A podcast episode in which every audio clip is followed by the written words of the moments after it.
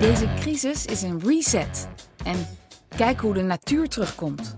Of ik ga het helemaal anders doen. Mijn stewardessenleven is dus uh, behoorlijk uh, vertraagd. Er waren gewoon veel te weinig vluchten om op te werken. In het NPO Radio 1-programma De Wending spreken we elke zaterdag in juli met mensen voor wie de coronacrisis echt een omslagpunt heeft betekend. Ik had wel al uh, in januari besloten om dus zelfstandig een hondenschool te gaan doen, maar dan kleinschalig, zodat ik het kon combineren met het vliegen. Mensen die hun hele bedrijfsvoering omgooien weg willen uit de reisbranche of eindelijk de knoop doorhakken om het onderwijs in te gaan. Dus mijn hondenschool is nu veel groter dan dat ik gepland had. Ik uh, moet dus ook echt gaan nadenken hoe ik dat straks ga doen als de KLM wel weer volledig uh, op toeren draait en ik weer uh, de normale uren kan vliegen. De wending van de VPRO is elke zaterdagmiddag in juli te horen om 2 uur op NPO Radio 1.